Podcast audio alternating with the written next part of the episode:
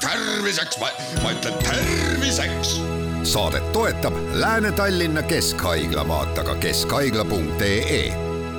tere, head Kuku raadio kuulajad, eetris on saade Terviseks ja kui me eile rääkisime antibiootikumidest, siis tänasel teemal jätkame ja kuna ka kaheksateistkümnendal novembril tähistati antibiootikumide teadliku kasutamise päeva, siis saamegi kohe teada, kui teadlikult antibiootikume siis kasutatakse, mina olen Ingela Virkus ja mina seda küll veel ei tea, aga selleks olen palunud stuudiosse Lääne-Tallinna Keskhaigla infektsioonhaiguste arsti Pille Märtini, tere taas! tere!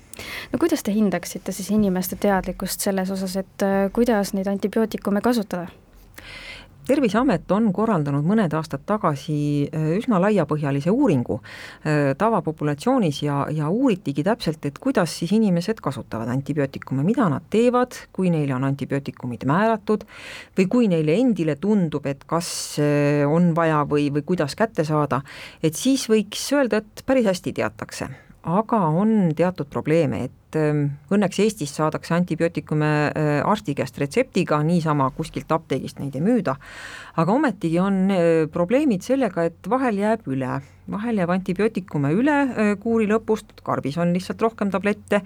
või on hea sõber või naaber, naaber öelnud, et jube hea rohi aitas mind hästi, võta sina ka, või teinekord isegi tuuakse endale kuskilt mujalt kaasa mõni rohi ja, ja arvatakse, et see kõlbab ka järgmine kord väga hästi, et eh, niisuguseid küsimusi ikka paraku tekib.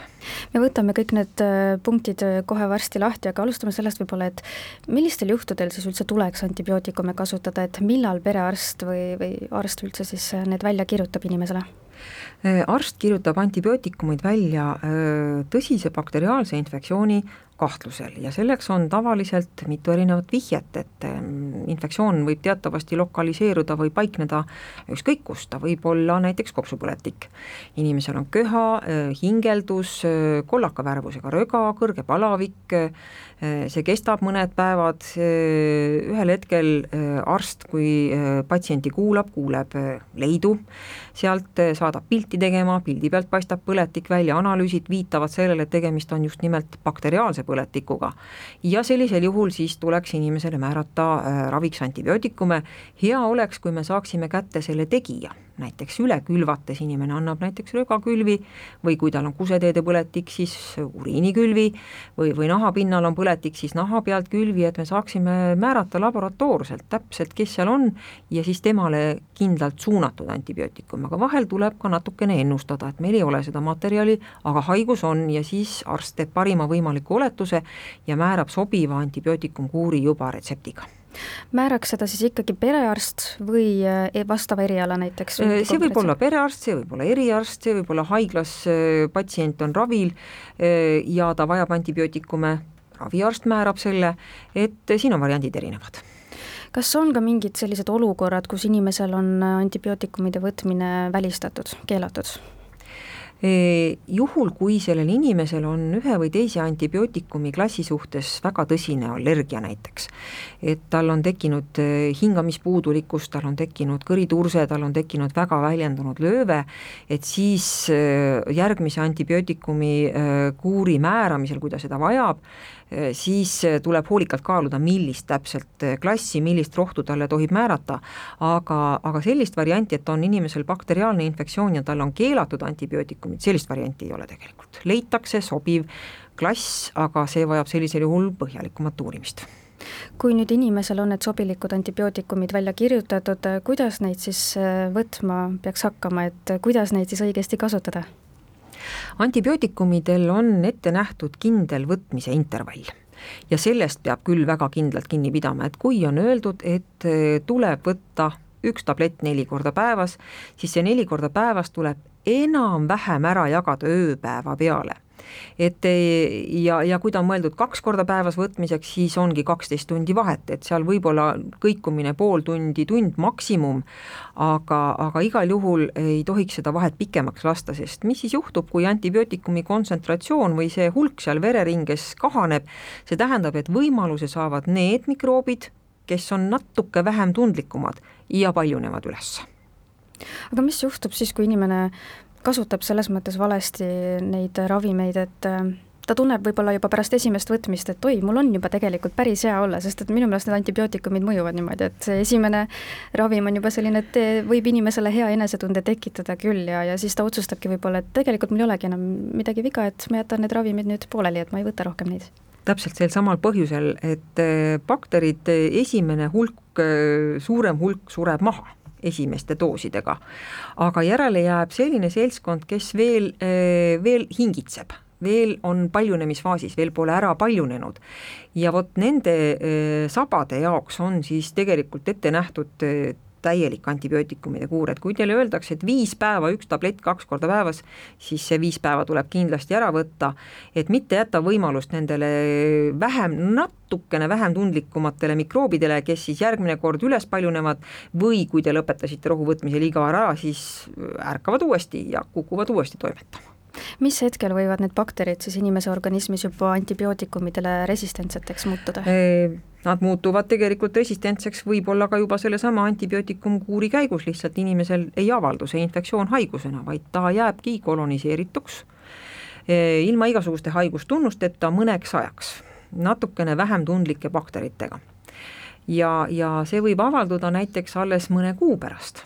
mõne, mõne kuu pärast tekib tal näiteks uuesti, näiteks räägime kuseteede põletikust, et esimene ravikuur läheb mõni kuu möödas, tekib tal uus sümptomaatika ja seal on tegija juba palju vähem tundlik seltskond. et see võib olla nii ja võib olla naa, et äh, siinkohal ei saa ühelgi juhul anda sada protsenti garantiid, et mitte midagi juhtunud. antibiootikum tähendab kõrvaltoimena võimalike resistentsete mikroobide ülespaljunemist Te sissejuhatuses mainisite ka, et äh, teinekord on äh, antibiootikumid jäänud äh, inimesel näiteks kappi ja siis tal ühel hetkel meenuvad need, et oi, et eelmisel korral need aitasid mind, äkki nüüd aitaks mind ka või et naabrinaine toob enda ravimid, sest et temal aitasid need teatud haiguste puhul mida selline olukord teeb siis, kui inimene hakkab iseseisvalt neid võtma ilma arstiga konsulteerimata? see võibki tähendada seda, et esiteks jääb tema päris ravi hiljaks ja, ja see võib minna märksa tüsilikumaks, selle edasine ravi. teiseks ei pruugi need järele jäänud antibiootikumid toimida, võib-olla meil on hoopis teine tekitaja seal ja üldse mitte see, mis alguses oli. ja võib-olla nad on aegunud ka. ja nad on aegunud ja, ja nad on üldse keemiliselt ohtlikud inimesele, et siin on väga palju erinevaid aspekte, mistõttu on see väga ohtlik situatsioon, kui inimene hakkab oma peaga võtma antibiootikume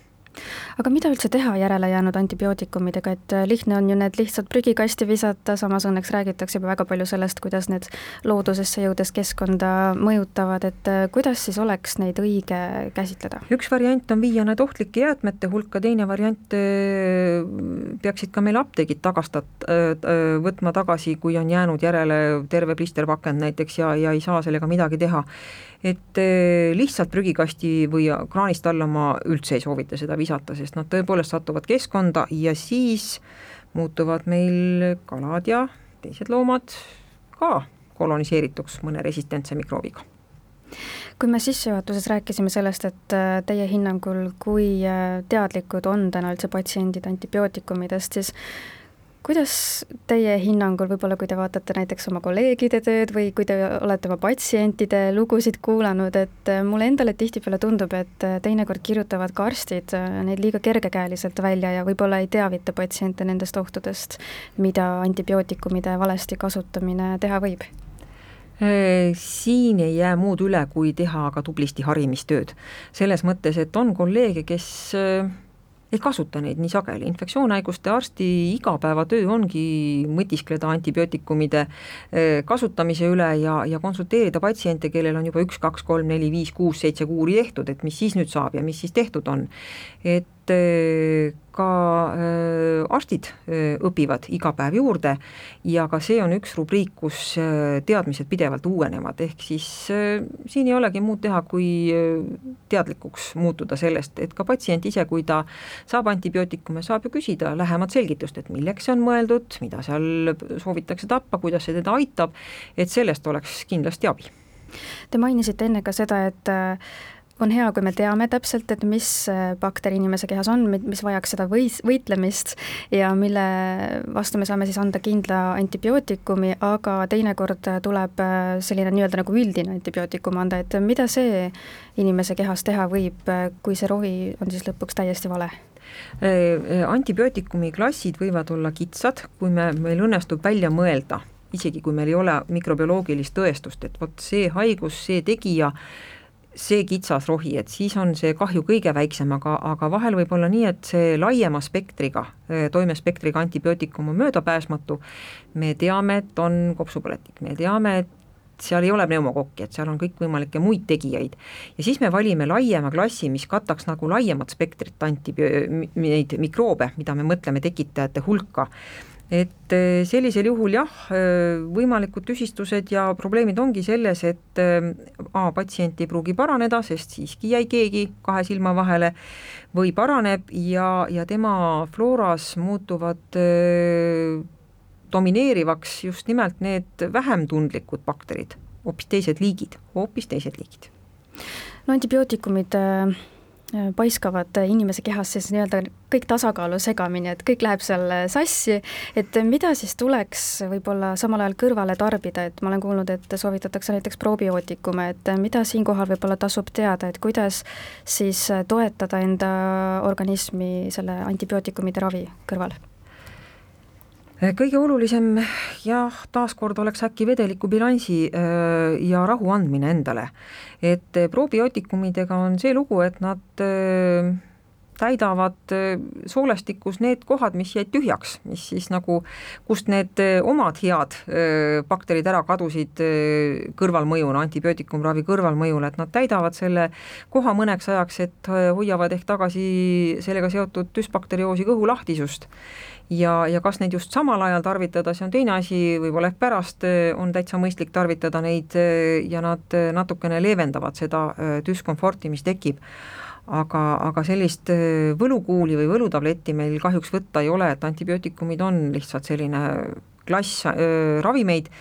millega kaasub alati kõrvaltoime aga mida äkki tasuks hoopis äh, vastupidi siis tegemata jätta või söömata jätta, joomata jätta, samal ajal kui antibiootikume võetakse? Teinekord antibiootikumide võtmisega loetakse inimesele sõnad peale, et vaadake, et te näiteks ei tarvita samal ajal piimatooteid, et kohvi piimaga ja doksutsükliin korraga, et sellisel juhul jääb antibiootikum toimeta ja siis võib tekkida see probleem, et äh, asi ei edene ega idane, et äh, niisugused soovitused tasub alati hoolikalt kõrva taha panna, et kui ikka öeldakse, et tohib selle ja teisega võtta ja, või hoopistükkis tühja kõhuga, siis täpselt nii see on ka mõeldud, et see ravim jõuaks täpselt õigesse kohta õiges äh, koguses aitäh teile saatesse tulemast ja nõu andmast, Lääne-Tallinna Keskhaigla infektsioonhaiguste arst Pille Märtin ning ilusat päeva jätku teile! aitäh!